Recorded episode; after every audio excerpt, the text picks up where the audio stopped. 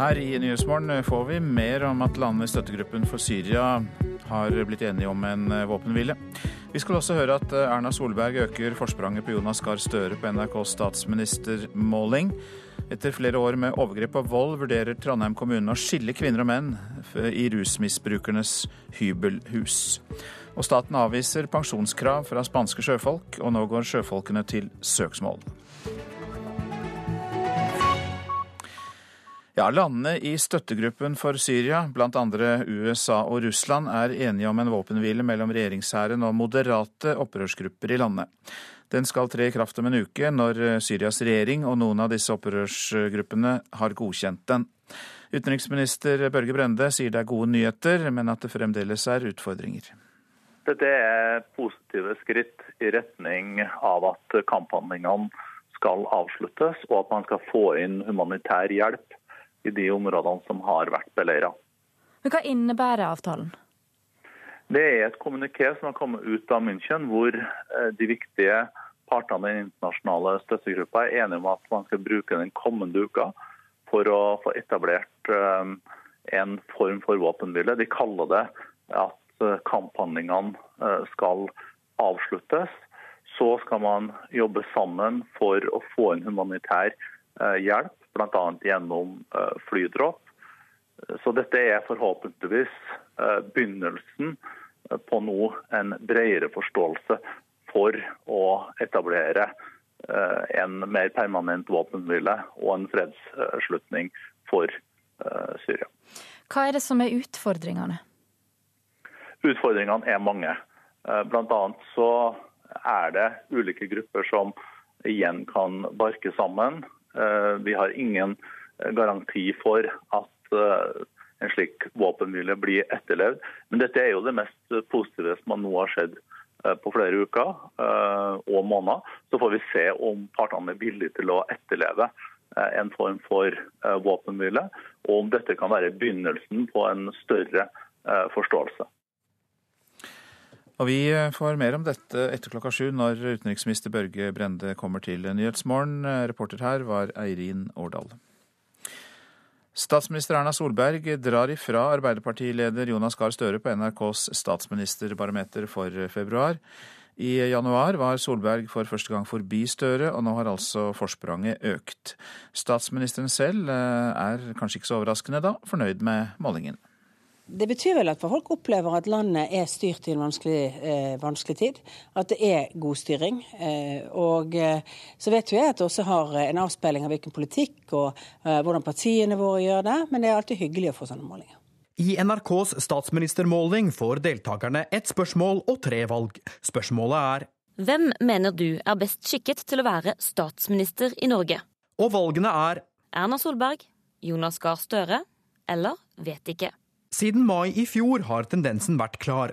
Den gang foretrakk nesten 51% Støre, mens 33% ville ha Solberg. Nå er situasjonen nesten snudd på hodet. 46,2% vil ha Solberg, mens 38,7% vil ha Støre.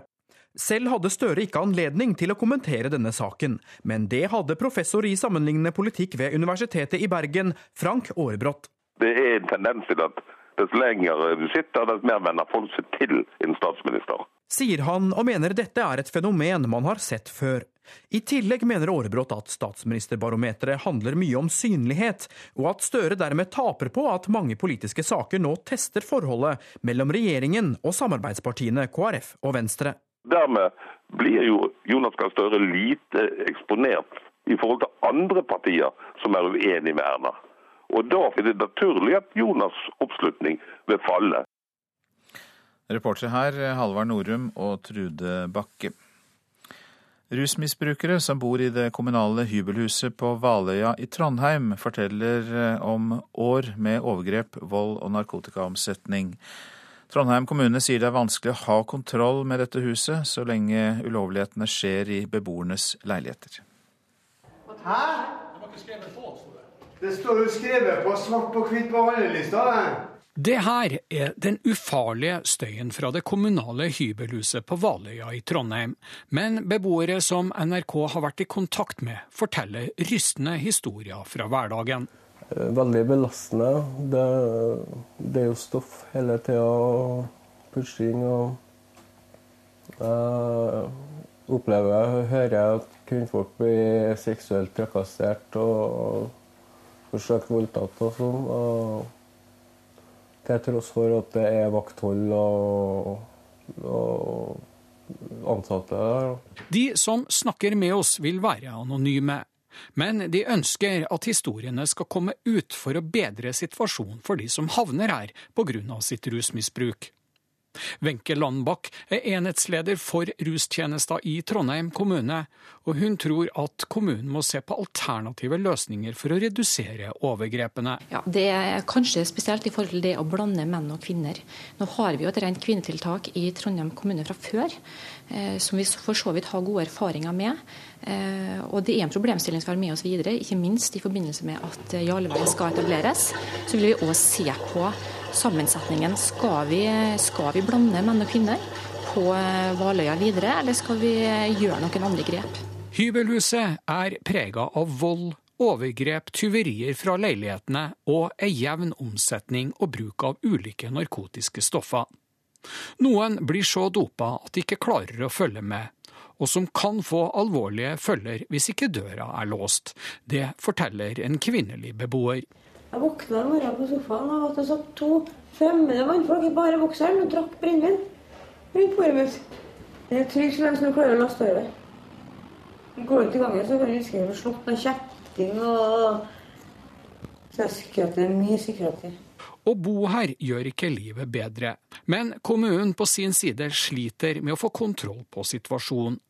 Selv om hybelhuset er overvåka med kamera og sikkerhetsvakter, er det som foregår inne i hybelleilighetene utenfor deres kontroll.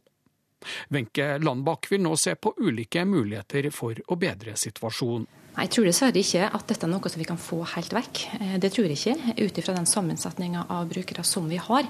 Eh, men vi kan kanskje jobbe enda mer i forhold til trygghet. Eh, kanskje vi kan greie å forebygge noe mer med å se på Eh, problematikken knytta til overgrep, kanskje særlig. da.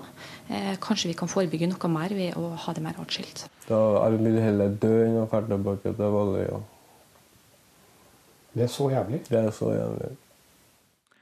Det var en eh, anonym beboer vi hørte der, på Valøya hybelhus i Trondheim. Og det sa han da til reporter Ståle Tonning. Norske myndigheter avviser krav om etterbetaling av pensjon til spanske sjøfolk som tidligere jobbet på norske skip. Nå blir den norske stat stevnet, sier advokat Øyvind Østberg, som representerer 211 spanske sjøfolk og etterlatte.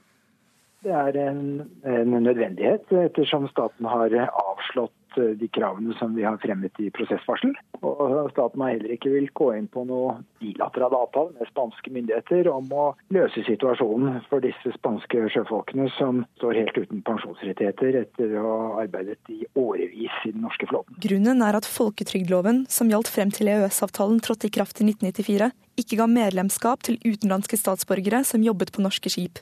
Noen av pensjonskravene fra spanske sjøfolk går helt tilbake til 1948. Saken har gått gjennom flere instanser, men nå har Arbeids- og sosialdepartementet gitt endelig avslag. Departementet har ikke funnet noe rettslig grunnlag for krav om alderspensjon, sier de i en skriftlig kommentar til NRK, og legger til at Sivilombudsmannen ikke har funnet at norske myndigheter har begått feil i sin vurdering av saken. Stevningen ferdigstilles i disse dager, og advokat Øyvind Østberg håper saken kommer opp i Oslo tingrett i løpet av året. Går det deres vei, kan det dannes presedens for de rundt 12 000 spanske sjøfolkene som jobbet på norske skip frem til 1994. Bare for mine eh, klienter så vil det være snakk om årlige pensjonsutbetalinger, altså til sammen på mange titalls eh, millioner eh, kroner. Mens eh, de samlede konsekvensene av å få med vil naturligvis være mye større enn dette. Saken har skapt store reaksjoner i Spania, og de 211 spanjolene er klare til å ta den helt til menneskerettighetsdomstolen i Strasbourg. Det er en sak som vekker mye harme, mye engasjement i brede politiske kretser. og Det betyr også at klientene mine har støtte og oppbacking for å ta denne saken så langt som det kreves. Reporter Milana Knisevic. Ja, hva skriver avisene, mon tro? Vi begynner med Aftenposten. Det er varslet 1,3 cm snø i Oslo i natt. Derfor er 230 parkeringsplasser stengt, skriver de. Og det skjer fordi det skal gi plass til brøyting av sykkelfeltene, for det skal bli enklere for vintersyklistene å komme fram. USA støtter kampen som Bjørn Kjos og Norwegian fører mot den nye norske flyavgiften, skriver Dagens Næringsliv. En talsmann for det amerikanske samferdselsdepartementet bekrefter at de vil ha på det rene om avgiften bryter med Open Skies-avtalen mellom USA og Europa, eller andre internasjonale reguleringer. Senterpartiet slår ring om asylforliket og vil berge regjeringen, får vi vite i Klassekampen. Senterpartileder Trygve Slagsvold Vedum går hardt ut mot Venstres nei til asylinnstramninger, og tilbyr å gi regjeringen flertall på Stortinget uten Venstre. Sylvi Listhaug splitter Norge, skriver VG. 50% svarer at de har liten eller svært liten tillit til den jobben hun gjør, men meningsmålingen viser at også 36 mener hun gjør en god jobb, og det gjør henne til regjeringens mest populære Frp-statsråd. 32 500 oljejobber er kuttet, og arbeidsledigheten i Rogaland har passert 4,9% kan vi lese i Stavanger Aftenblad. I 2016 blir det flere arbeidsledige enn i kriseåret 1990, for Nav frykter ny ledighetsrekord. Norge har en historisk lav vekst i produktiviteten, og SVs Snorre Valen sier til Dagsavisen at han mener at Arbeiderpartiet, Høyre og Fremskrittspartiet har skylda. Ifølge Valen har disse tre partiene i mer enn ti år nektet å diskutere vår avhengighet av oljen. Kvinner betaler mer enn menn, skriver Adresseavisen. Deodoranter og dusjsåper for kvinner koster ofte mer enn de som blir markedsført som produkter for menn, viser en prissammenligning avisa har gjort. Og det er grunnløse prisforskjeller, sier fagdirektør Gunstein Instefjord i Forbrukerrådet. Skremmer med mørke fortellinger er oppslaget i Vårt Land, som har snakket med forfatteren Bjørn Ausland. Han ser ingen grense for hvor skummel en barnebok kan være, mens en barnehage i Sverige jo har fått kritikk for å ha vist filmen Albert Aaberg og udyret. Skihopper Anders Fannemels prestasjoner har svingt fra seier til det helt elendige på kort tid. Nå leter han etter formen før møtet med bakken, der han satte verdensrekord i fjor. Jeg blir veldig forbanna, egentlig. Sånn har du kanskje ikke hørt Anders Fannemel før. Nordfjordingen med verdens lengste skihopp har denne vinteren opplevd en skikkelig berg-og-dal-bane i verdenscupsirkuset. 41.-plassen på Lillehammer før jul er det svakeste resultatet. I Japan for to uker siden kom den første verdenscupseieren, bare for å bli etterfulgt av 34.-plass i Granåsen. Jeg blir veldig sur eh, første fem minutter, og så får jeg litt perspektiv på ting og innser at det, ja, jeg får heldigvis nye muligheter til å rette opp igjen eh, feilene mine seinere. Så ja, jeg klarer heldigvis å ta meg litt sammen.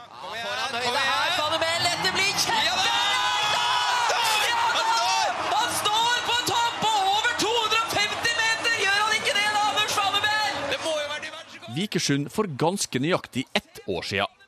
Anders Fannemel lander på 251,5 meter. Det er ny verdensrekord. Og Fannemel presterte langt jevnere toppresultat gjennom sesongen i fjor enn i år, mener hoppekspert Johan Remmen Evensen. Fjor starta sesongen fantastisk, leverte toppresultat eh, på toppresultat.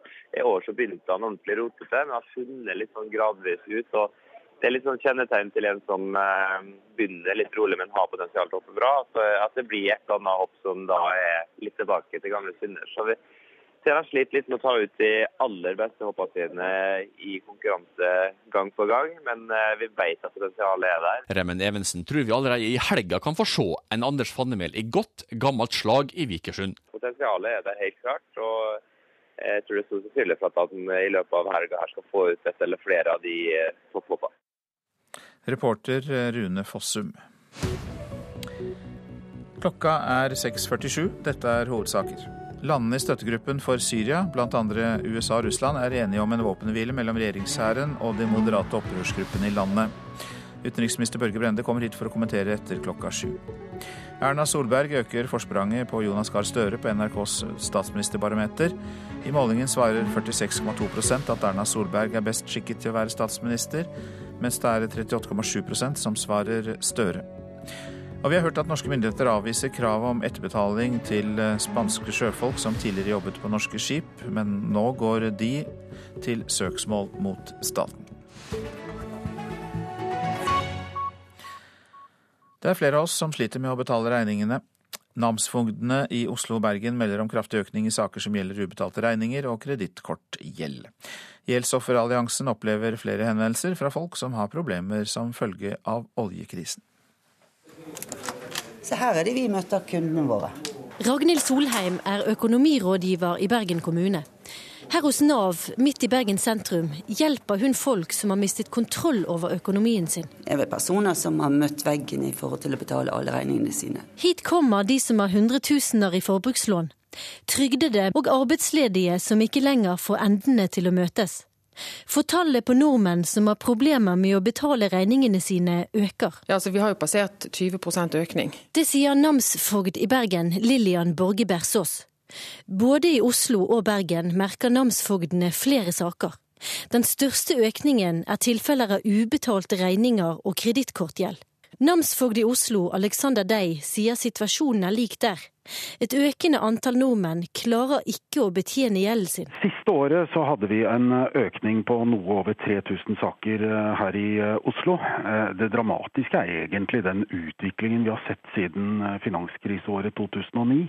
Da hadde vi 23 000 saker, og i fjor så passerte vi 43 000 saker. Namsfogdene frykter økonomiske nedgangstider og stigende arbeidsledighet vil gjøre statistikken enda styggere dette året. Bengt Skjelt i Gjeldsofferalliansen merker økende pågang fra spesielt vestlendinger som er rammet av oljekrisen. Det er jo begynnelsen, sannsynligvis begynnelsen på en ny eh, kriserunde. Ragnhild Solheim og kollegene råder folk som får problemer til å handle raskt og å slutte å bruke penger de ikke har. Spar før du kjøper noe. Reporter her, det var eh, Siri Løken.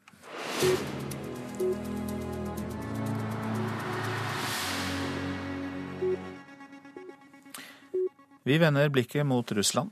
Vinneren av Raftoprisen i 2014, den russiske menneskerettighetsorganisasjonen Agora, må oppløses. Det har en russisk domstol bestemt.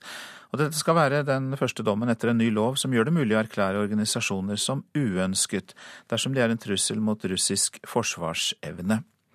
Moskva-konsponent Morten Jentoft, eh, hva legger da myndighetene i erklært uønsket? Ja, man mener da at uh, denne Agora-organisasjonen, som jo er en sammenslutning av uh, advokater i en rekke regioner i uh, Russland, har drevet aktiviteter som kan være skadelige, som man heter da, for Russlands interesser. Hvis vi skal gå litt tilbake igjen, så handler jo dette da egentlig om to eh, lover som har møtt mye kritikk her i Russland.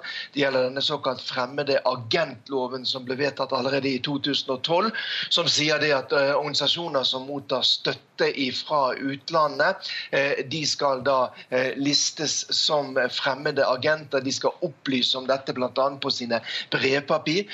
Den loven den ble jo i fjor da fulgt opp av en ny lov eh, hvor man snakker om uønsket politisk aktivitet som også er eh, ulovlig i Russland. Og Det som nå skjer, er at også denne loven da eh, blir da, ifølge da denne rettsavgjørelsen som skal være tatt i Tatarstan, en republikk midt i Russland, også denne type aktiviteter kan da stemples som eh, fiendtlig. Og da også denne organisasjonen da eh, ikke bare får beskjed om at den må da oppgi at den er en fremmed agent, den må også oppgi opphøre helt med sin aktivitet. Sånn at eh, Menneskerettighetsaktivister mener det er skremmende at man i Russland da fortsetter denne kampen mot det sivile samfunnet. Nå skal det også legges til at eh, denne loven den vil jo bli, eh, gå videre i det russiske rettssystemet. og Sarja Sabruskaja, som er menneskerettighets eller kommisjonær for menneskerettighetsaktiviteter i Tatarstan, mener det er for tidlig å si at den avgjørelsen som nå er tatt mot Agora, blir endelig. Ja, så Dette og mange andre ting som du jo nevner, eh, hva bidrar det til eh, vanskeligheter for folk som eh, ønsker med saker som kanskje er i opposisjon til den politiske ledelsen?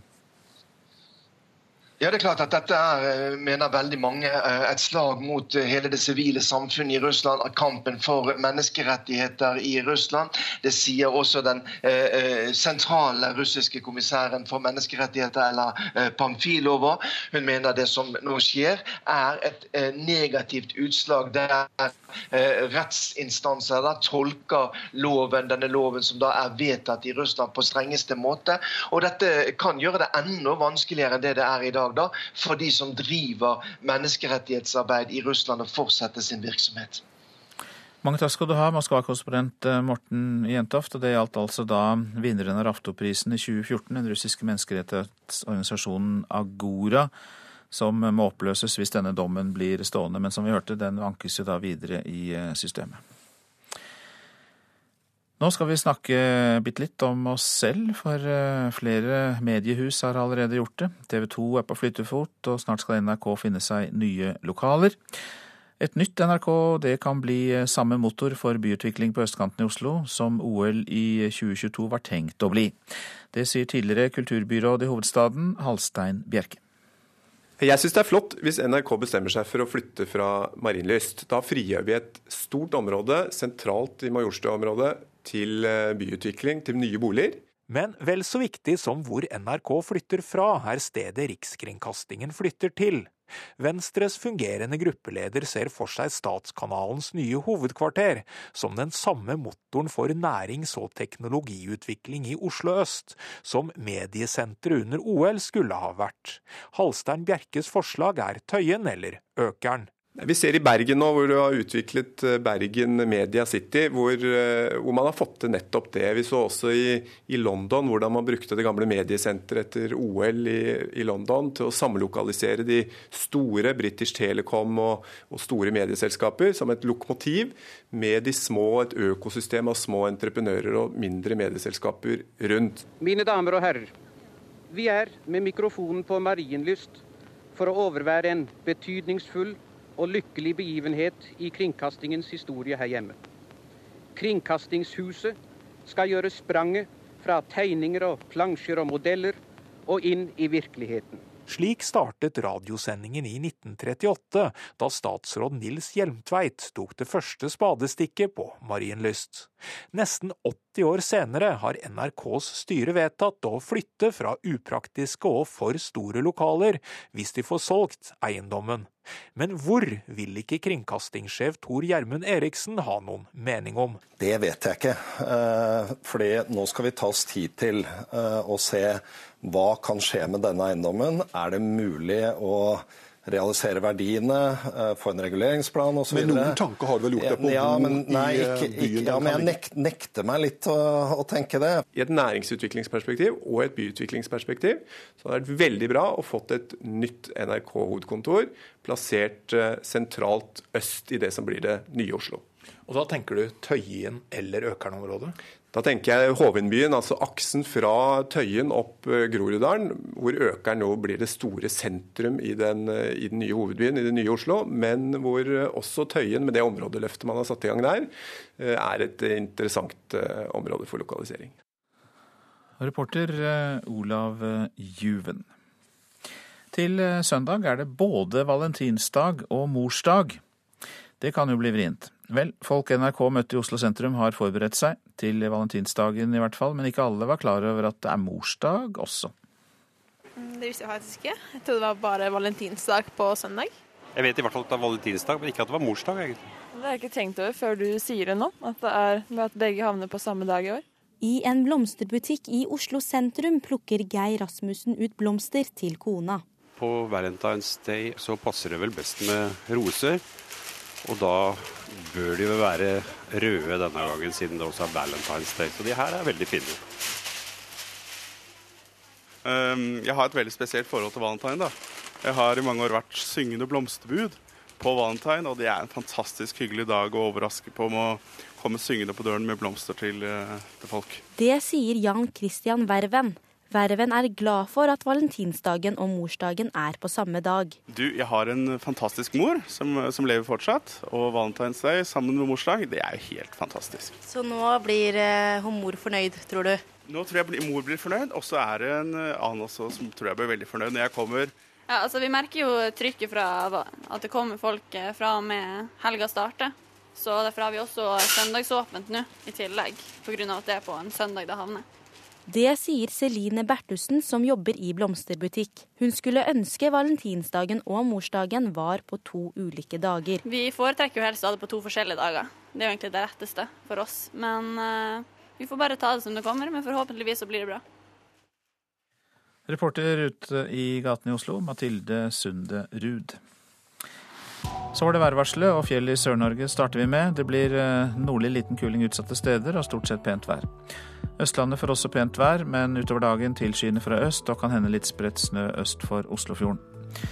Telemark pent vær, men noe tilskyende mot kvelden i østlige områder. Agderfylkene og Vestlandet sør for Stad de ser vi samlet, og det blir pent vær, kort godt. Møre og Romsdal, der blir det enkelte snøbyger i ytre strøk, men ellers pent vær. Ja, Trøndelag. Periodevis liten nordlig kuling på kysten. Enkelte snøbyger i ytre strøk først på dagen, ellers opphold og sol. Tilskyende utover dagen, og i kveld kan det hende litt snø i grensetraktene. Nordland eh, liten nord- eller nordøstlig kuling utsatte steder. Sterkest vind i sør. Først på dagen enkelte snøbyger i nord i Nordland, men ellers pent vær. Og det kan bli skyet i grensetraktene. Troms enkelte snøbyger, kort og godt. Finnmark først på dagen nordvest periodevis stiv kuling. Utsatte steder og etter hvert minkende vind. Det blir enkelte snøbyger vest i Finnmark, og i øst og på vidda blir det for det meste skyet oppholdsvær. Nordensjøland på Spitsbergen enkelte snøbyger, mest i vestlige områder, og i kveld liten kuling. Og vi tar med oss temperaturer målt klokka fire i natt. Svalbard lufthavn minus ti, Kirkenes minus fire, Vardø null, Alta minus én, Tromsø minus fem, Bodø minus tre. Brønnøysund minus én, Trondheim minus åtte. Molde minus fire, Bergen minus to, Stavanger minus én, Kristiansand minus tre. Så var det Gardermoen minus eh, fire, Lillehammer minus fem, Røros minus sju og Oslo-Blindern minus eh, tre.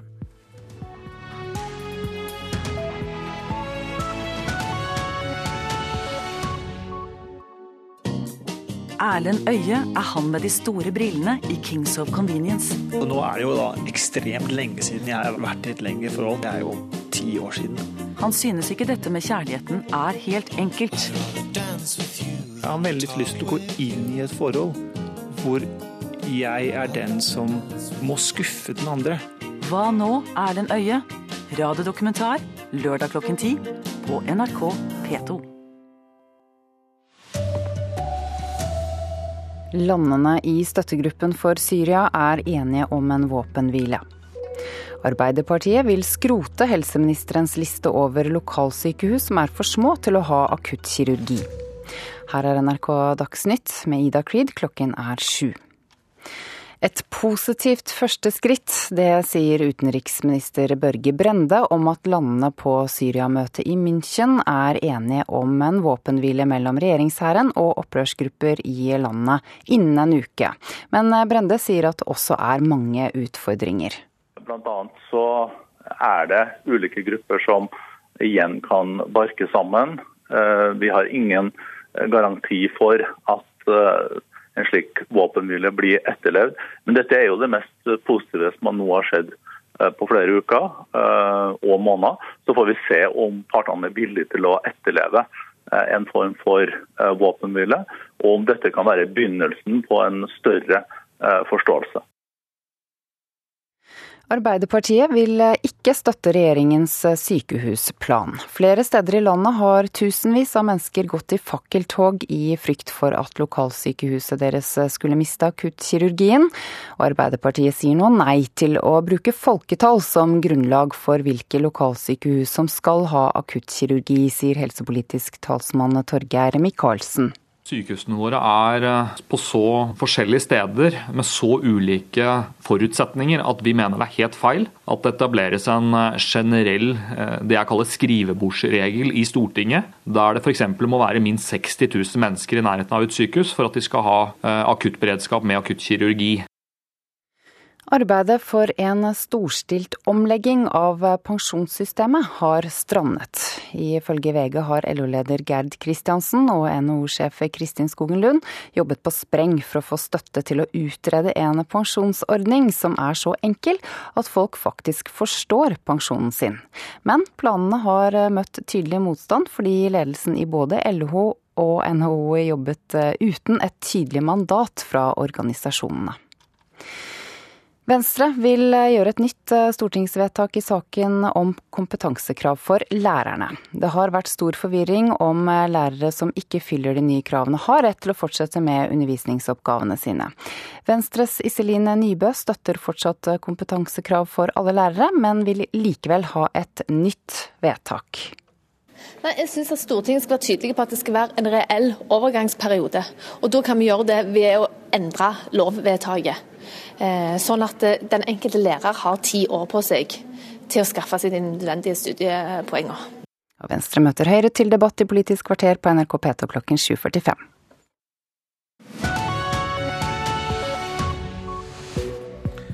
Og her i Nyhetsmorgen kommer utenriksminister Børge Brende for å kommentere at USA og Russland er enige om en våpenhvile i Syria. Han kommer hit om et kvarters tid. Nasjonal sikkerhetsmyndighet er bekymret over at det er for enkelt å etablere seg i Norge med falsk identitet. Vi får også høre mer om at Arbeiderpartiet går mot helseministerens minstekrav til antall innbyggere for at et lokalsykehus skal ha akuttkirurgi.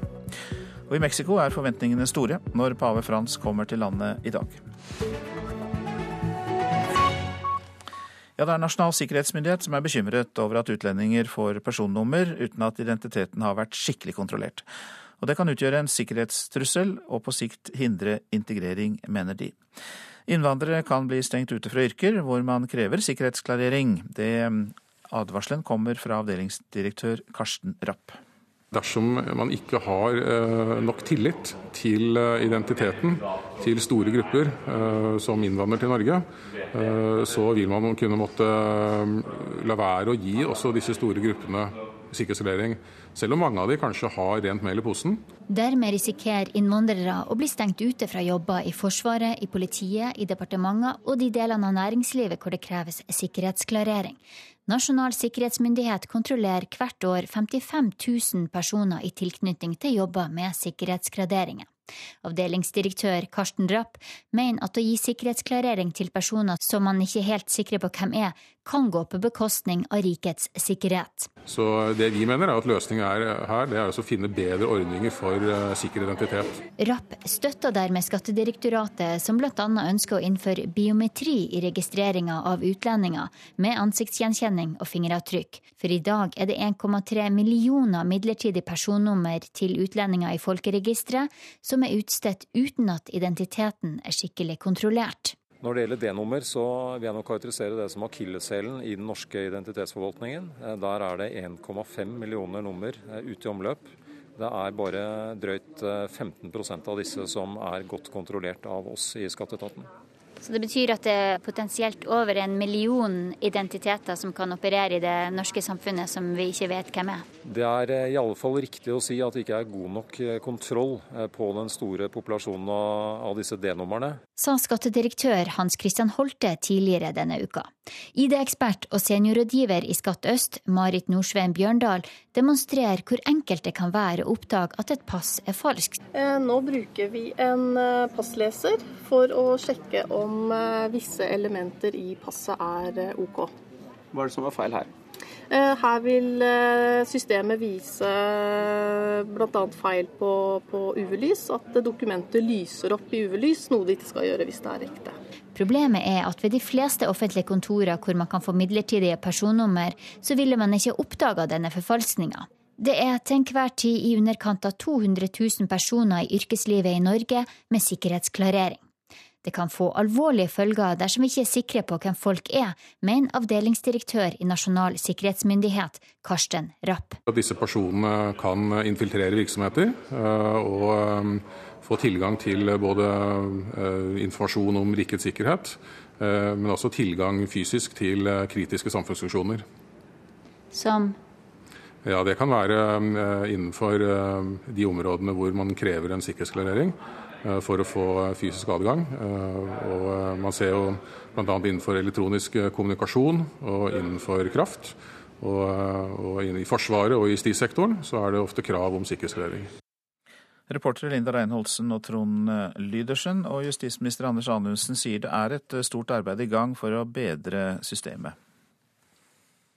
Som regjering så er vi veldig opptatt av at vi skal ha et folkeregister og for så vidt et identitetsavklaringssystem som er troverdig og riktig. Derfor jobber vi også på tvers av alle de departementene som har ansvar for ulike deler av ID-forvaltninga nå, for å koordinere jobben for å trygge oss på at den som fremstår som deg, faktisk er deg. Og da er jo biometri et av de aller viktigste virkemidlene vi har. Bør det på sikt komme et system hvor faktisk biometri, fingeravtrykk, ansiktsgjenkjenning ligger til grunn i et sentralt register?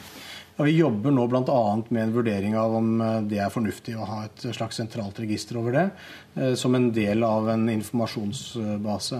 Men det vi i hvert fall må sikre oss, er jo at en bruker eh, biometri i større grad ved altså identifikasjonspapirer osv., hvor biometrien kan ligge i selve kortet, slik at en hele tiden vet at den du legitimerer deg som, er den du faktisk er. Men dette er en brei og viktig eh, problemstilling som vi jobber sammen eh, med en rekke departementer om for å se hvordan vi skal løse dette. Vi jobber jo nå også med anskaffelse av et helt nytt ID-kortsystem, sånn at en skal være trygg på at vi har et offisielt ID-kort sammen med de nye passene som kommer eh, fra 2017 og fremover. Og så har Anders Werp kommet til studio. Velkommen. Takk. Du er nestleder i justiskomiteen på Stortinget. Ja, Egentlig så dreier vel dette seg om at eh, de som har falsk identitet, eh, ikke blir stanset i stor nok grad. Og de som kunne gjort en god jobb i yrker som krever sikkerhetsklarering, vil ikke kunne gjøre det. Så det er ja, vi finner ikke de vi skal finne, og de vi gjerne vil bruke, kan vi ikke bruke. Hva er mm. din reaksjon på det? Dette er veldig eh, alvorlige eh, signaler eh, og et budskap vi skal følge opp. Det er det ingen tvil om. For som nasjon så er det jo jeg vil si avgjørende at vi har oversikt over våre egne borgere. Og, og, og med, med, stor grad av sikkerhet kan si hvem er hvem ved hjelp av identifikasjonspapirer. Og dette må, dette må, følges opp, fordi det er jo som Nasjonal sikkerhetsmyndighet sier, dette går på rikets sikkerhet.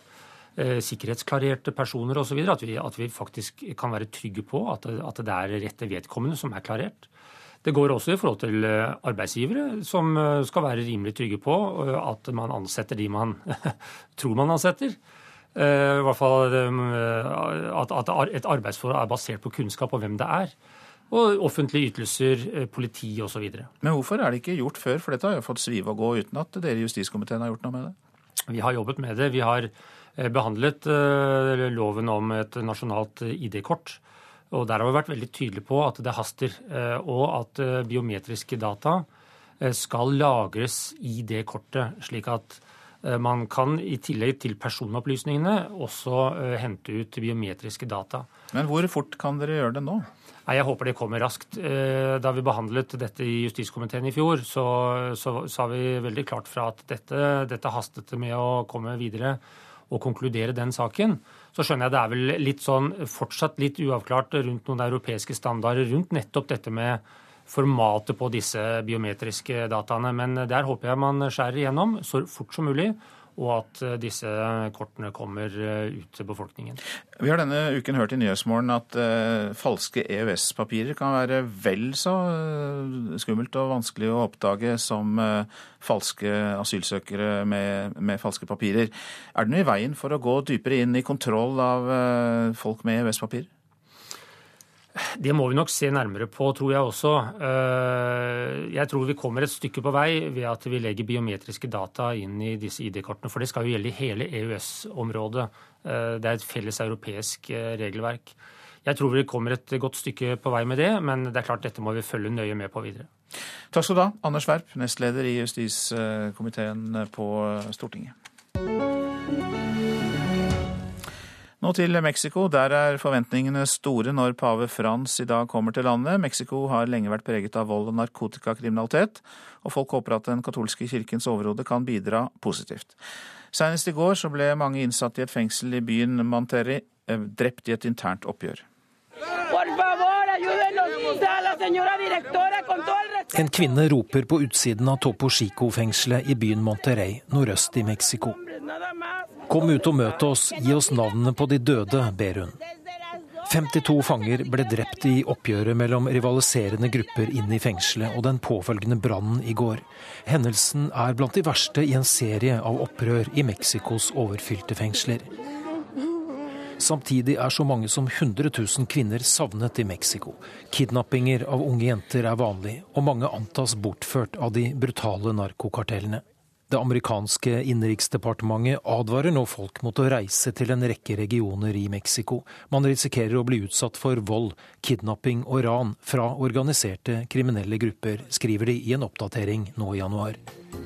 We will build a wall, and you know who's going to pay for the wall? Mexico. I will build a wall. It'll be a great wall. Donald Trump, republikaneren som ønsker å overta det ovale kontor etter Barack Obama, lover ifølge CNN å bygge et enda lengre gjerde mot Mexico enn det som allerede er der. Ulike observatører i Mexico sier sikkerhetssituasjonen er ute av kontroll mange steder i landet. Et flertall av meksikanske kommuner hevdes å stå i ledtog med den organiserte kriminaliteten, og bare en liten andel av forbrytelser ender med tiltale og straff. No duermes. ¿Por qué no duermes? Nå roper folk på paven i stedet for på egne myndigheter i Mexico, og i dag innleder pave Frans et seks dager langt besøk i landet. For favor.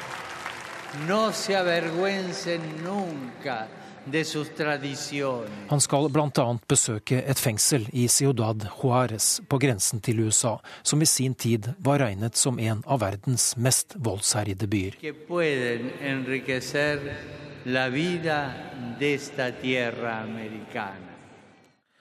Reporter Lars Håkon Pedersen. Da kan vi ønske Benedicte Bull velkommen. Du er professor og leder for Norsk nettverk for latinamerikaforskning. Hvorfor er det så store forventninger til eh, pave Frans i Mexico? Ja, Det er jo fordi han har vist seg å være veldig frittalende i mange andre tilfeller. Det er veldig forventet at han kommer til å snakke om volden. Eh, Mexico er jo ikke bare verdens farligste land, eller et av verdens farligste land for journalister, men også for prester. Det er mange prester drept. Eh, og så er man nok spent på hvordan han kommer til å snakke om det. For det er lett å fordømme narkovolden. Men om han også kommer til å snakke om ulikheten, korrupsjonen og alle kontaktene i myndighetsapparatet som ligger bak dette her, det er jo det store spørsmålet spørsmålet. Hvorfor er Mexico kommet dit landet er? Ja, det er en lang historie som er veldig knyttet på mange måter til eh, sammenhengen mellom Mexico og USA. Det er eh, narkotikasmugling, særlig kokainen, som er mye mer verdifull enn alt det andre. Det er lange tradisjoner med korrupsjon og et tidligere styre som i veldig stor grad har beskyttet eh, narkotikakartellene mot at de reinvesterte pengene i Mexico og ikke eh, skapte for mye trøbbel. Eh, og så ble disse paktene brutt av mange historiske årsaker. Eh, men det har mye med å gjøre å gjøre med koblingen til myndighetsapparat og koblingen til USA. Har det vært en bedring i utviklingen de senere årene, eller er det bare en forverring og forverring i Mexico? De senere årene så har vi sett at eh, mordratene har gått eh, en del ned, bortsett fra akkurat i fjor, hvor de økte igjen. Det området der hvor det fengselsopprøret eh, foregikk nå, det var et veldig voldelig område rundt 2010, og så har det egentlig roet seg litt ned. Men det vi har sett er eh, økning i forsvinninger. Eh, og hva som egentlig ligger bak det, det vet man jo ofte ikke. Og at eh, spesielle grupper er blitt eh, veldig utsatt. Altså journalister, alle som, som eller, Og aktivister. Også politifolk selvfølgelig, og, og andre som prøver å slå ned på det. Pave Frans besøk i dag vil jo sikkert kunne inngi litt optimisme hos noen, kanskje. De vil finne trøst i det. Men hvis du skal se på de konkrete tiltakene som trengs for at Mexico skal utvikle seg i en bedre retning, hva vil det være? Ja, Det tenker jeg det er ikke bare i Mexico. Eh, Mexico er midt inne i en omfattende reform av både politi og justissektor. Og det er jo en reform som når, når, ting blir rokket rundt på, så er man også relativt svake. Men man trenger helt klart nye virkemidler mot eh, hvitvasking av penger, eh, slå ned på korrupsjon. Og så har du jo det problemet at USA har ekstremt liberale våpenlover, eh, og det flommer våpen over grensa som eh, utgjør nesten alle våpnene som brukes i disse kriminelle handlingene i Mexico. Eh, og selvfølgelig så har de også med med narkotikapolitikk å gjøre, selv om det er usikkert hvordan ulike tiltak der vil virke inn. Presidentkandidat Donald Trump eh, vil jo ha en mur mellom USA og Mexico. Tror du om det? Det tror jeg er eh, helt eh, Altså det har jo vært bygget mur der før. Det har jo ikke hjulpet veldig mye. Det som hjelper hvis han ønsker å stoppe vanlig migrasjon, er jo selvfølgelig økonomisk vekst i Mexico og arbeidsplasser. Og så har du så mange tilknytningspunkter at jeg tror en Det vil i hvert fall ikke hjelpe noe på volden i Mexico. Det er helt sikkert. Jeg tror ikke det ville ha så veldig mye å si for hva som skjer i USA heller. Mange takk skal du ha, professor Benedicte Bull, som altså er leder for Norsk nettverk for Latin-Amerika-forskning. Dette er Nyhetsmorgen. Klokka er 7.17. Dette er hovedsaker. Landene i støttegruppen for Syria, blant dem USA og Russland, er enige om en våpenhvile mellom regjeringshæren og de moderate opprørsgruppene i landet. Nasjonal sikkerhetsmyndighet er bekymret over at det er for enkelt å etablere seg i Norge med falsk identitet. Mener at det kan utgjøre en sikkerhetstrussel og på sikt hindre integrering. Og vi eh, skal eh, høre at eh, Arbeiderpartiet går mot helseministerens minstekrav til antall innbyggere for at et lokalsykehus skal ha akuttkirurgi. Vil ta mer hensyn til avstander og værforhold. Landene i støttegruppen for Syria som møttes i München natt, er altså enige om en våpenstillstand mellom regjeringshæren og de moderate opprørsgruppene i landet. Det er eh, USAs utenriksminister eh, John Kerry og Russlands statsminister eh, Dmitrij Medvedev som bekrefter det. Og velkommen utenriksminister Børge Brende. Takk. Hva betyr denne avtalen om våpenstillstand? Er det et viktig skritt på veien, eller bare et bitte lite skritt som bare kan renne ut i sanden? Det er vel noe eh, av alt dette. Eh, det er positivt at man ble enige om dette kommuniké eh, i går kveld. Et kommuniké som sier at man nå skal åpne opp for humanitær hjelp i områder som har vært beleira, til og med flydropp. Det er positivt at man jobber for en våpenstillstand. Eh, ikke foreløpig en våpenhvile, men at partene skal opphøre. At de skal, vi skal se at man opphører da denne militære eh, konflikten i den nærmeste uka. Eh, det er vesentlig. Vi har også med oss deg, Midtøsten-korrespondent Sigurd Falkenberg Mikkelsen. Eh, hva sier du til det samme spørsmål? Er dette et skritt i riktig retning, eller er det altfor lite? Nei, Det er i hvert fall all grunn til å være skeptisk til om dette holder i uh, praksis. Uh, det er en veldig løs avtale, i hvert fall det som er kjent offentlig. Og utenriksminister John Kerry innrømmer jo det selv når han sier at dette bare er en papiravtale, og at de neste dagene vil vise om det holder. Så det, akkurat det er jo ikke så veldig tillitsvekkende. Og så sier Russland at bombingen av ekstremistgruppene IS og Nusra-fronten skal eh, fortsette. For de er jo ikke inkludert i dette på noen som helst måte. Hva innebærer det? Nei, Det er nettopp et av de eh, springende eh, punktene her, og det som gjør at situasjonen fortsatt er uklar på det skal vi si, formelle planet. For det gjør at russerne vil alltid ha et argument for å fortsette å bombe. Vi må huske på at de gikk inn, og da var argumentet at de skulle bombe IS. Eh, det har vi sett eh, i noe grad, men i mye mindre grad enn å bombe andre opprørsgrupper. Og Det er ikke noe i veien for at de kan fortsette med den samme, eh, samme taktikken i framtiden. Så med mindre det har blitt en ordentlig avtale på bakrommet her, så vil så er det godt mulig at dette vil fortsette i samme spor som, som det har gjort de siste, siste ukene og månedene. Ja, det understreker jo at det er et forvirrende bilde, utenriksminister Børge Brende, det vi ser i Syria, med noen grupper som er med på dette her, og andre som slett ikke er det, og forskjellige typer opprørsgrupper, pluss russere og regjeringen. Hva er utfordringene for å få dette til å holde lenger? Først må jeg jo si at eh, Alternativet har jo vært at det ikke har blitt noen for, for kommuniké eller avtale. Så Sånn sett er det jo positivt at man også nå går sammen om å åpne opp for humanitær Eh, tilgang. Men det er all mulig, eh, all mulig grunn til å være veldig forbeholden. Eh, alle parter må jo i så fall etterleve en sånn våpenhvile, og det gjenstår å se. Russland må avslutte bombinga av Aleppo. Så de nærmeste dagene blir avgjørende om det blir noen form for etterlevelse av dette. Og Det står jo også i kommuniké at man vil fortsette eh, bombinga av terrororganisasjonen ISIL og al-Nusra, altså det Al Qaida eh, tilslutta eh, nettverket. Ja, la oss gripe fatt i det. For hva innebærer det da at IS og denne al-Nusra-fronten slett ikke er med på dette? Det har heller aldri vært målet.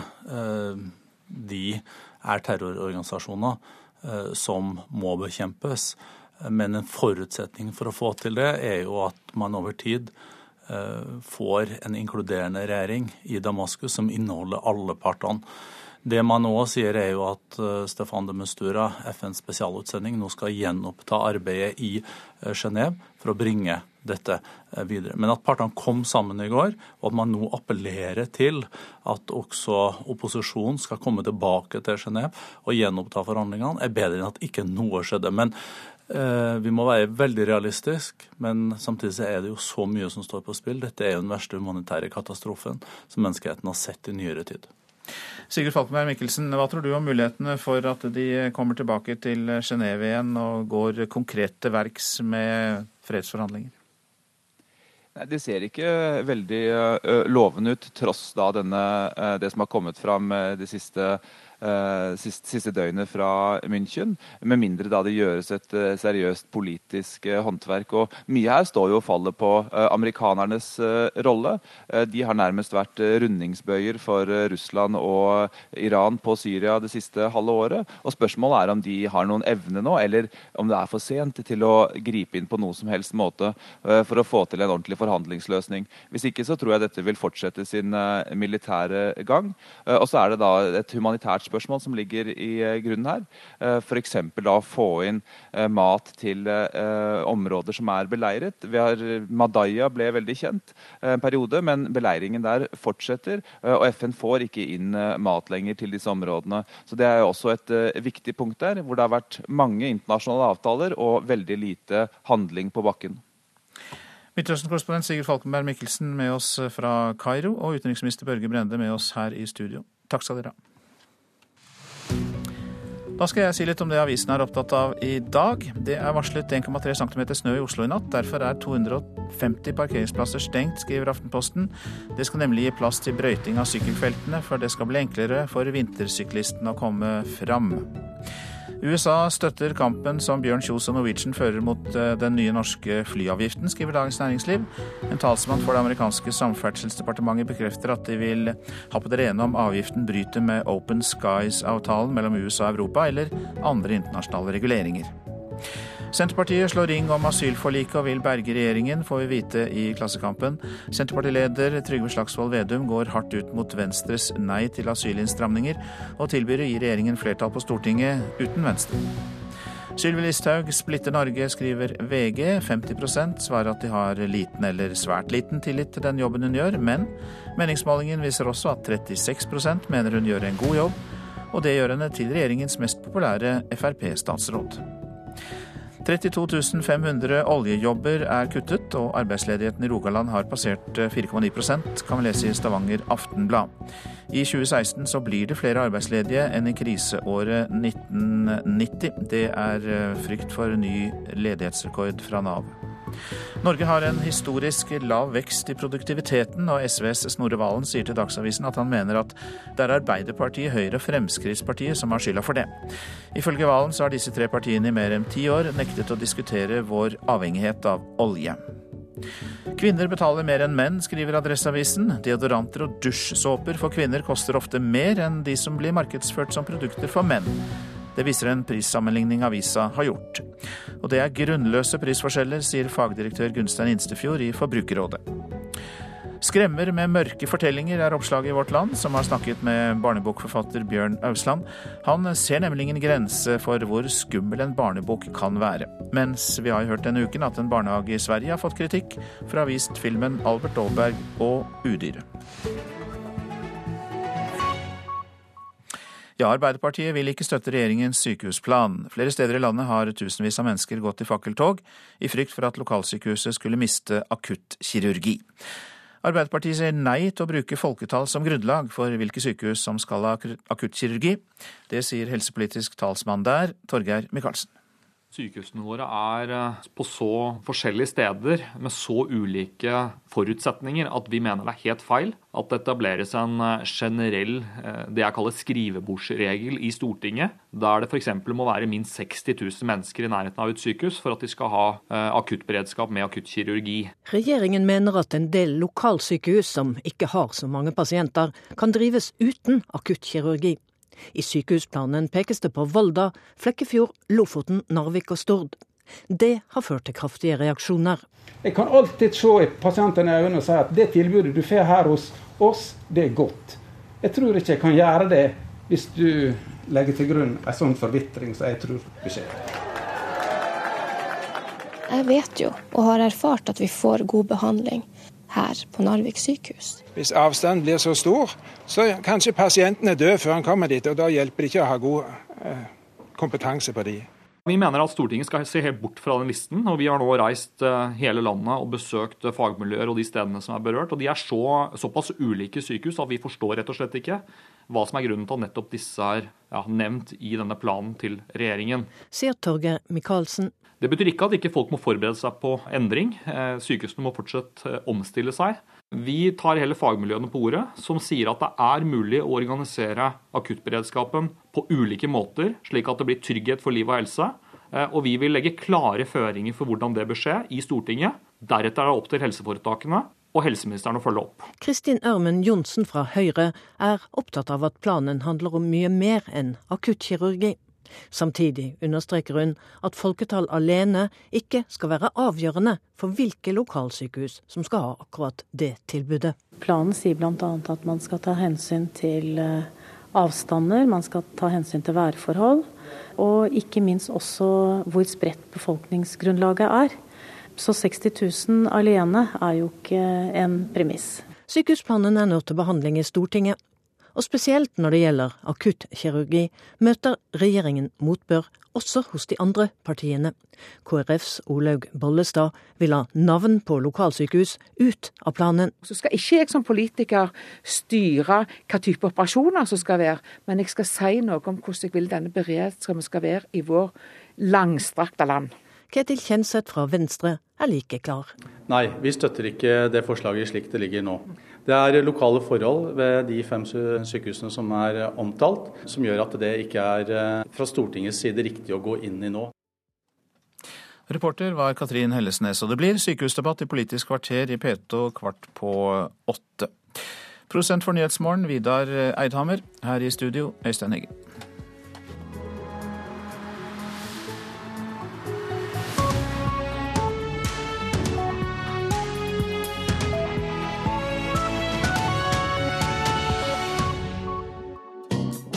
Erlend Øye er han med de store brillene i Kings of Convenience. Og nå er det jo da ekstremt lenge siden jeg har vært i et lengre forhold. Det er jo ti år siden.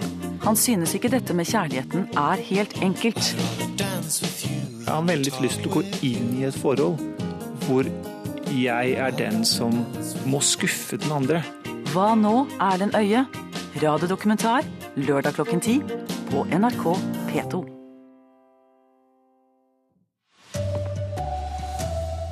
USA og Russland er enige om våpenstillstand i Syria.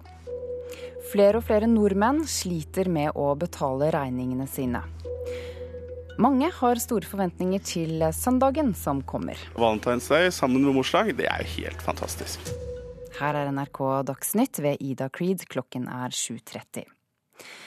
Landene som deltar på Syria-møtet i München er nå enige om at det skal inngås en våpenstillstand mellom regjeringshæren og opprørsgruppene i landet innen en uke. Det bekrefter Russlands statsminister Dmitrij Medvedev og USAs utenriksminister John Kerry. We believe we have made progress on both the humanitarian front and the cessation of hostilities front. Vi har gjort framskritt både når det gjelder humanitær hjelp og stans i krigshandlingene, sier den amerikanske utenriksministeren John Kerry. Han mener at avtalen som nå er inngått, vil forandre dagliglivene til det syriske folket hvis den blir gjennomført i praksis. Utenriksminister Kerry understreker at avtalen nå bare eksisterer på papiret, og at de nærmeste dagene vil vise hva som skjer på bakken i Syria.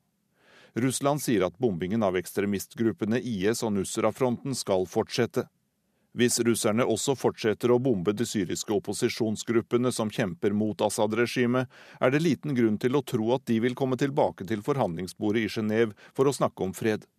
Den russiske utenriksministeren Sergej Lavrov sier at alle parter nå må vise god vilje og la være å komme med betingelser for å fortsette fredsprosessen.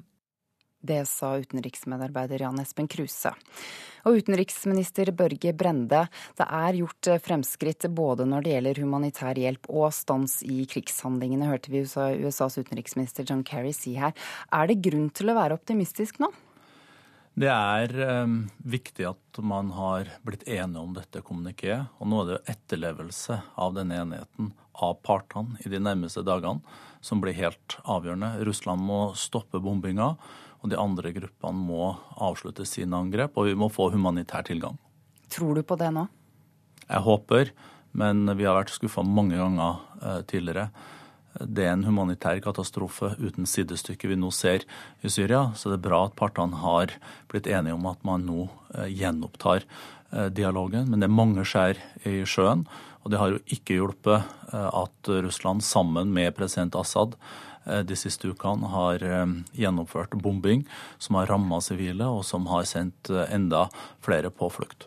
Jeg tror du Russland kommer til å stoppe bombingen nå? De har jo eh, sagt i dette kommunikéet at man skal arbeide for å få på plass en våpenstillstand. Det betinger også at andre grupper avslutter sine kamphandlinger. Men jeg antar jo at når statsminister Medvedev sier det han sier, så må det jo være en viss vilje der. Men vi skal være veldig forsiktige eh, med å skru opp forventningene. Men samtidig så er det jo positivt at man nå eh, samtaler. Og det jeg håper aller mest, er jo at man også kan få humanitær tilgang til beleira områder med eh, flydropp og lignende. Takk for at du kom hit, utenriksminister Børge Brende.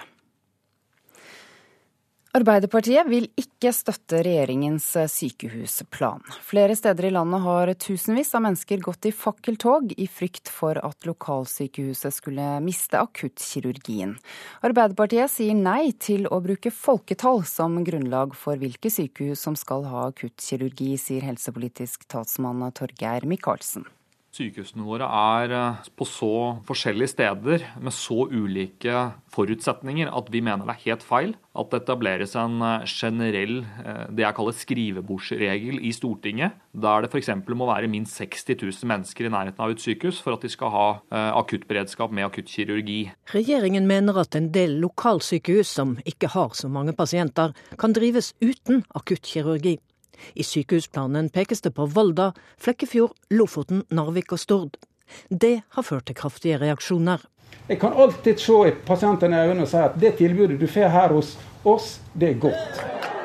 Hvis avstanden blir så stor, så kanskje pasienten er død før han kommer dit. Vi vil avvise at Stortinget skal bestemme at det er fem sykehus som skal stå på en eh, liste som ingen vet hva som vil skje.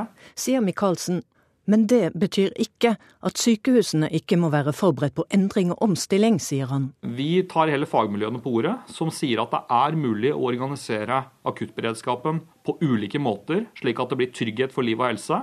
Eh, og vi vil legge klare føringer for hvordan det bør skje i Stortinget. Deretter er det opp til helseforetakene og helseministeren å følge opp. Kristin Ørmen Johnsen fra Høyre understreker at folketallet alene ikke skal være avgjørende. Man skal ta hensyn til uh avstander, man skal ta hensyn til værforhold, og ikke minst hvor spredt befolkningsgrunnlaget er.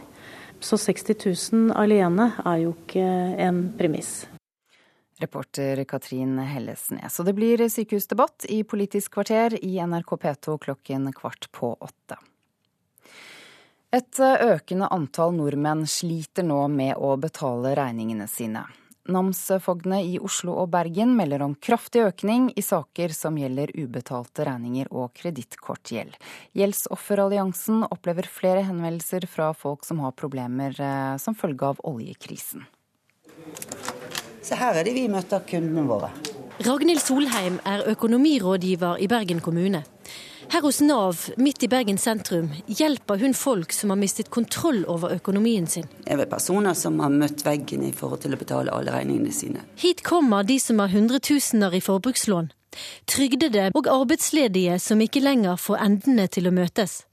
For tallet på nordmenn som har problemer med å betale regningene sine, øker. Ja, altså Vi har jo passert 20% økning. Det sier namsfogd i Bergen, Lillian Borge Bersås. Både i Oslo og Bergen merker namsfogdene flere saker. Den største økningen er tilfeller av ubetalte regninger og kredittkortgjeld. Namsfogd i Oslo, Alexander Dei, sier situasjonen er lik der. Et økende antall nordmenn klarer ikke å betjene gjelden sin. Siste året så hadde vi en økning på noe over 3000 saker eh, her i eh, Oslo. Eh, det dramatiske er egentlig den utviklingen vi har sett siden finanskriseåret 2009. Da hadde vi 23 000 saker, og i fjor så passerte vi 43 000 saker. Namsfogdene frykter økonomiske nedgangstider og stigende arbeidsledighet vil gjøre statistikken enda styggere dette året. Bengt Skjelt i Gjeldsofferalliansen merker økende pågang fra spesielt vestlendinger som er rammet av oljekrisen. Det er jo begynnelsen, sannsynligvis begynnelsen på en ny eh, kriserunde. Ragnhild Solheim og kollegene råder folk som får problemer til å handle raskt, og å slutte å bruke penger de ikke har. Spar før du kjøper noe. Reporter her var Siri Løken.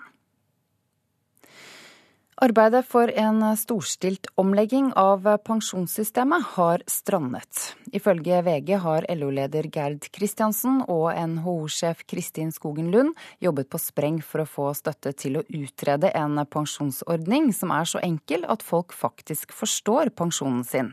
Men planene har møtt motstand fordi ledelsen i både LO og NHO jobbet uten et tydelig mandat fra organisasjonene. På søndag er det valentindag og morsdag. Folk NRK har eh, møtt i Oslo sentrum har forberedt seg til valentindagen på søndag, men ikke alle er klar over at det også er morsdag. Mm, det visste jeg faktisk ikke. Jeg trodde det var bare valentinsdag på søndag. Jeg vet i hvert fall at det er valentinsdag, men ikke at det var morsdag. egentlig. Det har jeg ikke tenkt over før du sier det nå, at, det er, at begge havner på samme dag i år. I en blomsterbutikk i Oslo sentrum plukker Geir Rasmussen ut blomster til kona på Valentine's Day så passer det vel best med roser. Og da bør de vel være røde denne gangen, siden det også er Valentine's Day. Så de her er veldig fine. Um, jeg har et veldig spesielt forhold til valentine. da. Jeg har i mange år vært syngende blomsterbud på valentine, og det er en fantastisk hyggelig dag å overraske på med å komme syngende på døren med blomster til, uh, til folk. Det sier Jan Christian Verven. Verven er glad for at valentinsdagen og morsdagen er på samme dag. Du, jeg har en fantastisk mor som, som lever fortsatt. Og valentinsdag sammen med morsdag, det er jo helt fantastisk. Så nå blir hun mor fornøyd, tror du? Nå tror jeg mor blir fornøyd, og så er det en eh, annen også som tror jeg blir veldig fornøyd når jeg kommer. Ja, altså Vi merker jo trykket fra at det kommer folk eh, fra og med helga starter. Så derfor har vi også søndagsåpent nå i tillegg, pga. at det er på en søndag det havner. Det sier Celine Bertussen som jobber i blomsterbutikk. Hun skulle ønske valentinsdagen og morsdagen var på to ulike dager. Vi foretrekker jo helst å ha det på to forskjellige dager. Det er jo egentlig det retteste for oss. Men uh, vi får bare ta det som det kommer, men forhåpentligvis så blir det bra. Reporter her var Mathilde Sunde Ruud. I denne sendingen har du hørt at USA og Russland er enige om en våpenstillstand i Syria. Ansvarlig for Dagsnytt, Sven Gullvåg.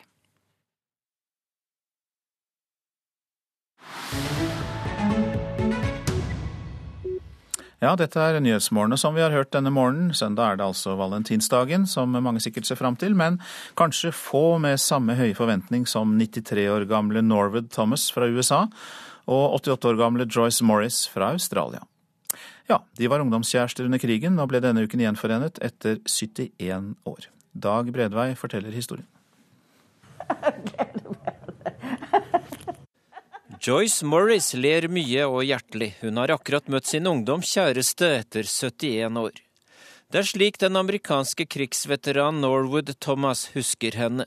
Den smittende latteren satt løst også den vårdagen i 1944, da de møttes første gang i London. Hennes første spontane kommentar da hun så ungdomskjæresten igjen denne uka, var denne. Du er fortsatt oppreist, sier jeg. Well, you're still vertical.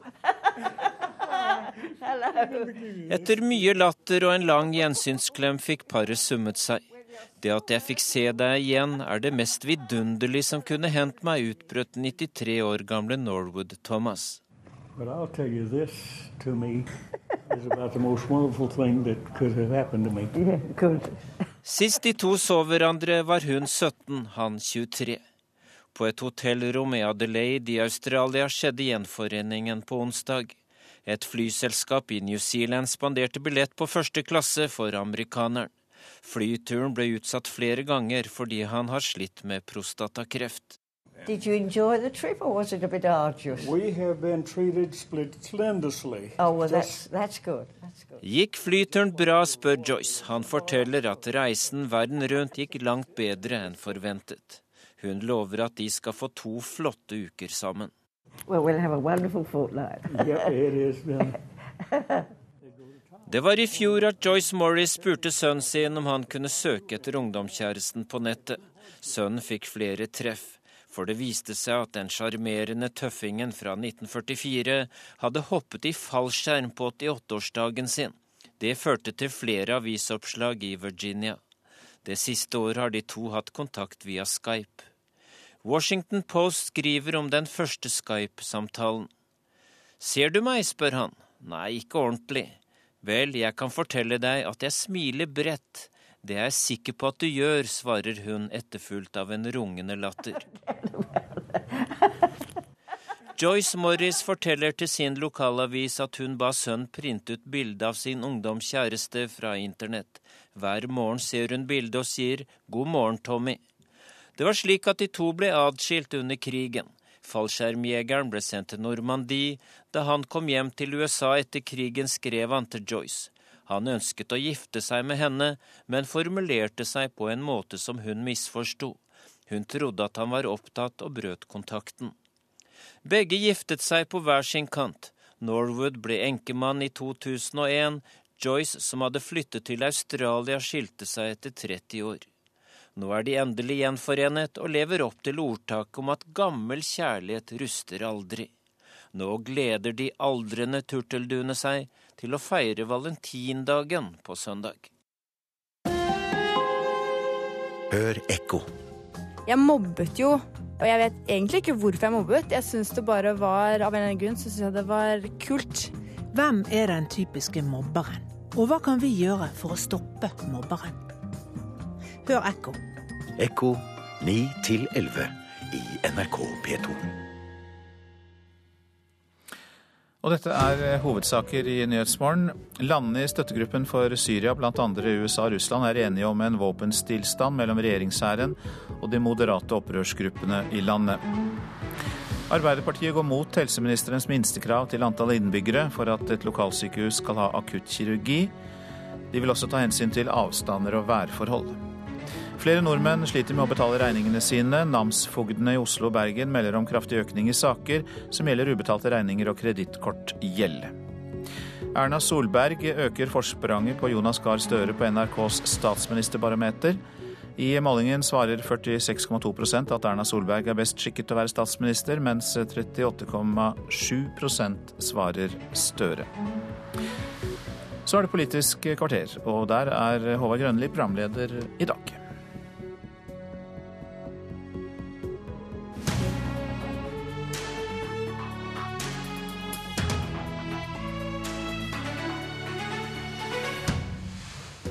Arbeiderpartiet vil gjøre seg til venns med lokalsykehusene og går mot regjeringa sin sykehusplan.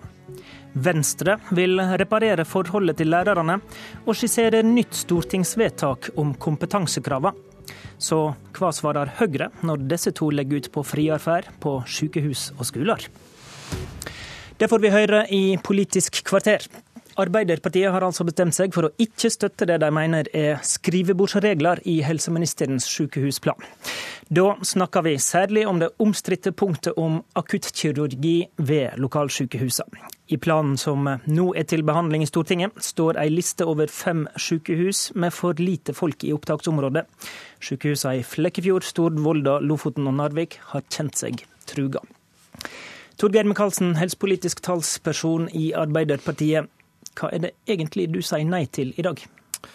Jeg sier nei til at eh, det på generelt grunnlag i Stortinget, etter råd fra en liten ekspertgruppe i Helsedirektoratet, skal etableres en generell regel eh, som helseforetakene og Bent Høie som helseminister deretter kan bruke til å nedskalere akuttberedskapen ved de minste sykehusene. Og Jeg har nå, sammen med mine utmerkede kollegaer i helsekomiteen fra Arbeiderpartiet, reist land og strand rundt i hele vinter for å ettergå den planen til Høie og de forslagene faktisk holder mål. Eh, og da har jeg bl.a. vært i Lofoten i Gravdal. Der er det flere timer til neste sykehus. Det er svært utfordrende eh, topografi og geografi. Og Allikevel så har da denne, dette sykehuset havnet på en liste som helseministeren mener at eh, ikke holder mål. Og Vi tror rett og slett at man kan finne bedre og mer konkrete praktiske løsninger på akuttberedskapen, som kanskje ikke må være slik den er i dag. Men det må da skje lokalt, og ikke gjennom eh, vedtak i Stortinget, slik eh, Bent Høie inviterer til. Men nå, nå handler sykehusplanen om mye, men du vet at nå spisser de øret på disse fem plassene som jeg nevnte først. Betyr det du sier at Ap har tenkt å berge akuttkirurgien ved disse fem utsatte lokalsykehusene? Det betyr ikke at jeg kan si at det akkurat skal organiseres på den måten det organiseres på de fem stedene det gjøres i dag. Men vi avviser kategorisk det premisset som helseministeren har lagt eh, til grunn, at befolkningsgrunnlag skal være utgangspunktet. Eh, vi avviser at det må så, være så, så du vil at Stortinget ikke skal vedta noe sånt som kan gi den konsekvensen? I stedet for skal vi vedta en klar forventning og bestilling til eh, de lokale helseforetakene, bl.a. der de sykehusene som du nevner ja, er. Finn praktiske løsninger. Gå i dialog med fagmiljøene. For de sier nemlig til oss at det er mulig å finne Eh, varianter av akuttberedskap der man kan ta ressursbruken noe ned, men bevare tryggheten for liv og helse. Så du vil at Stortinget skal si at det skal være akuttberedskap på disse plassene? Ja, det mener jeg absolutt Stortinget skal si. Eh, men hvordan det rent praktisk skal utformes, det synes jeg ikke det er naturlig at Stortinget tar stilling til. Og det har heller aldri, aldri Arbeiderpartiet ment. Vi må være forberedt på omstilling og endring. Da, for da sier du det i makta, da, så kan foretakene bestemme. Men bare ta et, et kort eksempel. Altså, et, et av sykehusene som står på lista, det er Stord, eh, altså på Vestlandet. De har 500 fødsler i året. Da må du ha en del folk i beredskap uansett for å håndtere det. De skal ha omfattende kirurgisk aktivitet på dagtid, med også innelagte pasienter eh, som ligger da etter at de har blitt operert. De må også ha kirurger i beredskap for å passe på disse pasientene. Og Når du i tillegg da har et stykke til neste sykehus, så mener vi at det må være mulig å bygge på de beredskapsressursene som finnes på det lokale sykehuset. Og så må man finne praktiske løsninger på hvordan man gjør det. Ikke at Høyre og Frp skal trumfe gjennom en skrivebordsregel i Stortinget som er for generell til at den gir mening mange steder i Norge. Kristin Ørmen Johnsen fra Høyre, saksordfører for sykehusplanen i helsekomiteen på Stortinget. Hører du her en mulig forlikspartner vinke farvel, eller kan du være med på det han skisserer nå?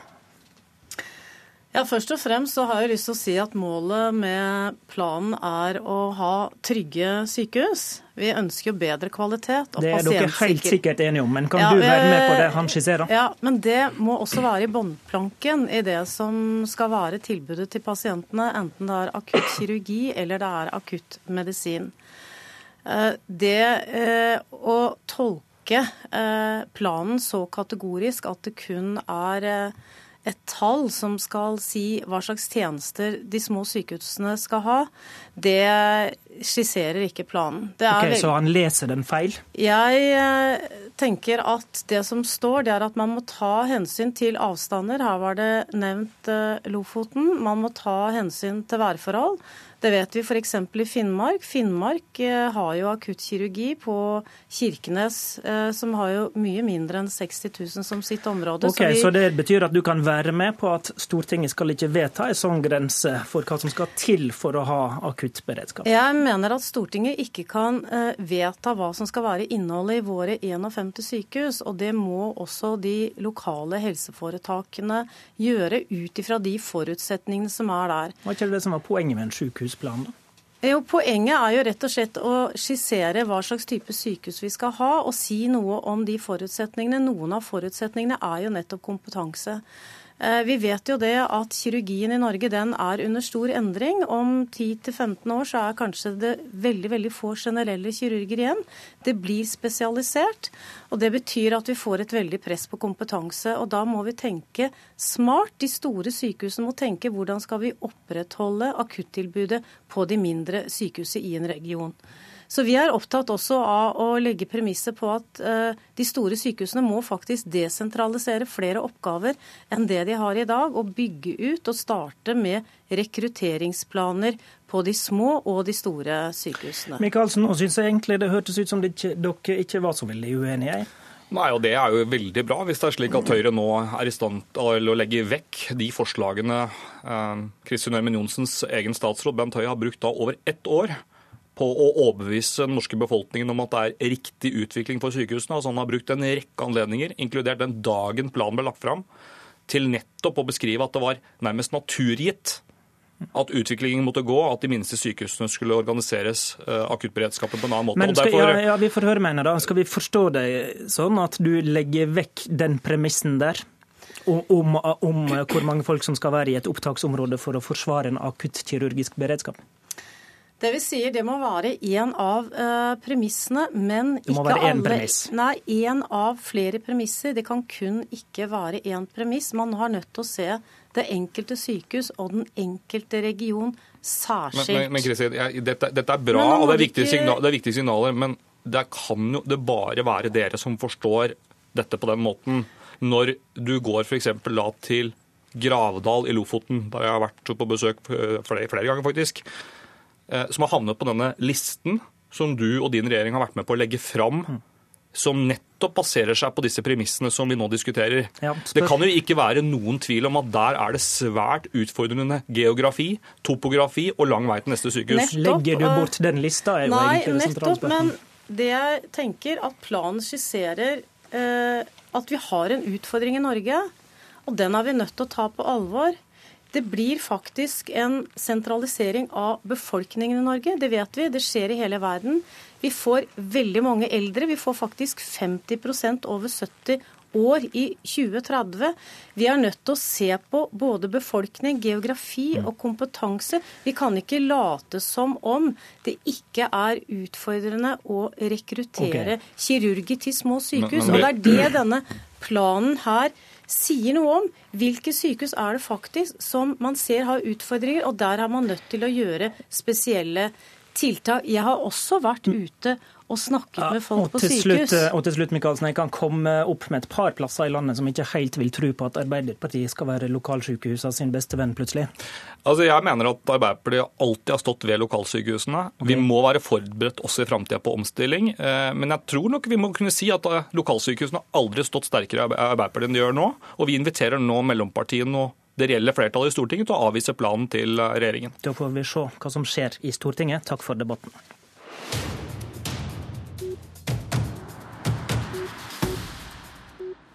Venstre vil gjøre et nytt stortingsvedtak om kompetansekravet for lærere. Denne veka har NRK fortalt om regelkaoset etter at Stortinget vedtok skjerpa utdanningskrav til alle lærere.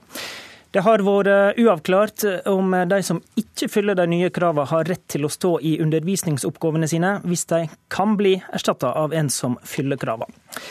Iselin Nybø, stortingsrepresentant for Venstre. Hvorfor må lovvedtaket fra i fjor endres? Ja, Det er jo først og fremst fordi det har vært mye uro, som, som du òg sier. Det som vi er enige om, det som et stort flertall på Stortinget er enige om, det er at vi skal ha eh, kompetansekrav. Vi ønsker at alle elever skal bli eh, undervist av en lærer som har, har eh, formell kompetanse. Det, det står du på fortsatt? Ja, det gjør vi. Men vi ser jo at veien dertil kan bli litt kronglete. Og det er derfor vi, vi tenker at nå er det på tide å slutte å diskutere bare spillet. Nå må vi snakke om hva alternativer, hva kan vi vi gjør for at det skal kunne gjennomføres på en god og smidig måte. Og Hva skal vedtaket si da? Nei, altså, Vi, vi er jo åpne for forslag, men, men, det vi har foreslått, det er at eh, istedenfor å gjøre sånn som statsråden har gjort nå, at det er skolen eller skoleeier som har mulighet til å gi dispensasjon, så burde den enkelte lærer ha dispensasjon. Altså har du som lærer tatt utdannelsen din fra, eh, før 1.1.2014, så har du som lærer ti år på deg til å skaffe deg den kompetansen som altså, du trenger. Altså, altså kan du undervise i mellomtida. Du har altså en ubestridt rett som lærer til å undervise i de kommende ti årene, selv om du ikke har tatt videreutdanninga. Men så må du bruke de ti åra til å ta den videreutdanningen. For når de ti åra er ferdig, så er det de som har den kompetansen som kan eh, undervise. Men Nybø, med det forslaget så har vi jo i realiteten ikke kompetansekrav før om ti år. Men det er, det, altså, realiteten er den samme som den er i dag. I dag er det kommunene som kan gi den dispensasjonen, mens de videre- og etterutdanner lærerne sine. Det vi foreslår, det er jo bare at læreren får den dispensasjonen og kan bruke de ti åra på å ta den videre etterutdanningen. Ok. Henrik Asheim, stortingsrepresentant i utdanningskomiteen for Høyre. Ehm, din statsråd Røe Isaksen varsla i går at han ville rette opp i rundskrivet, som har skapt forvirring. Er det nok, eller er du sammen med Venstre, som sier at det trengs et nytt stortingsvedtak? Nei, det Som, som Iselin Nybø også sier, altså Arbeiderpartiet, Venstre, Høyre og Frp står på kompetansekravet. Det støttes også av Utdanningsforbundet, støttes av Lektorlaget. Så har vi sett, og det var NRK avdekket i går også, at den dispensasjonen man nå har, som er til kommunene, den tolkes uklart. og Det betyr at noen ganger så opplever man da at lærere med lang erfaring blir tatt ut av undervisningen allerede nå, selv om dispensasjonen sier at de kan brukes videre. Og Da må det ryddes opp i. Og det ene Men er det da nok med rundskriv, eller trengs et nytt stortingsvedtak, som Venstre vil ha? Ja, så Nå hørte jeg Venstre si at man vil vedta en ny lov, eller endre lovvedtaket, og det mener jeg vil være helt feil, ettersom okay. man er enig om Rundskriv er nok? Altså Nå kommer det et rundskriv ut som da klargjør regelverket, og som sier at en rektor kan bruke undervisningspersonellet sitt mer rasjonelt enn de eksemplene som NRK trakk frem i går. Det skulle bare mangle. Det er ingen som har ønsket og ment at det skal slå ut sånn som de eksemplene.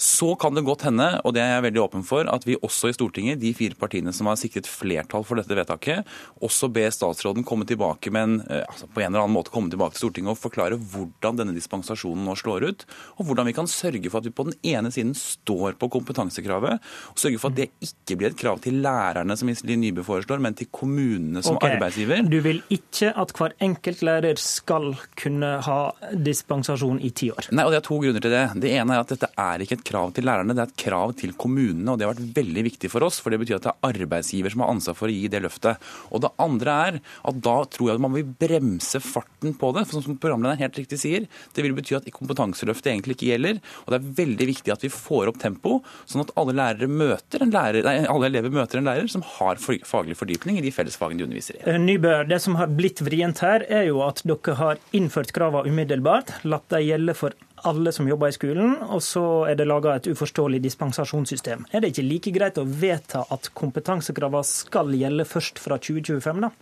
Nei, jeg tror det er viktig at vi har trykket oppe her. Eh, og hvis vi, hvis vi vedtar der, så mister du litt momentum. Og det er viktig, som òg Asheim sier, at vi har trykk oppe, at kommunene faktisk sender lærerne sine på videre- og etterutdanning. Og jeg syns at statsråden, med det han, eh, det han varsla i går, tar et riktig skritt. Men du syns ikke det er nok? Men ikke langt nok, nei. Og jeg, jeg, mener at den uroen vi ser ute i skolen, den kommer ikke til å bli retta opp av dette. Og så mener jeg òg at eh, selv om statsråden er på rett vei, så er det en hel del ting eh, som ikke blir adressert med det som han gjør. F.eks. hva skjer med de eldste eh, lærerne? Eh, de, blir de tvunget inn i dette her, eller kan de bare fortsette å, å, utdanne med den utdannelsen de har, selv om de ikke tar videre etterutdanning? Hva skjer med de som ikke er i skolen i dag, men som ønsker seg tilbake til skolen, som ikke altså, blir omfattet av dette? Ja, og akkurat her så trekker Iselin Nybø frem ting som jeg mener vi skal rydde opp i. Altså bare for, for å klargjøre dette. Det betyr at flertallet på Stortinget er for kompetansekravet, og at det skal gjelde fra nå. Det mener også Utdanningsforbundet. Så er det måter man implementerer dette på som har skapt uklarhet og uro i skolen. Det må vi rydde opp i. Og Derfor er jeg åpen for alle sånne forslag, nye momenter som Venstre nå tar opp. Kan godt hende kunnskapen som kommer tilbake til Stortinget med en sak og forklare oss hvordan dette skal gjøres på en best mulig måte. Men kravet står, og det gjør det fordi elevene har krav på faglig oppdaterte lærere i alle fag. Takk til Henrik Asheim og Iselin Nybø. I studio var Håvard Grønli.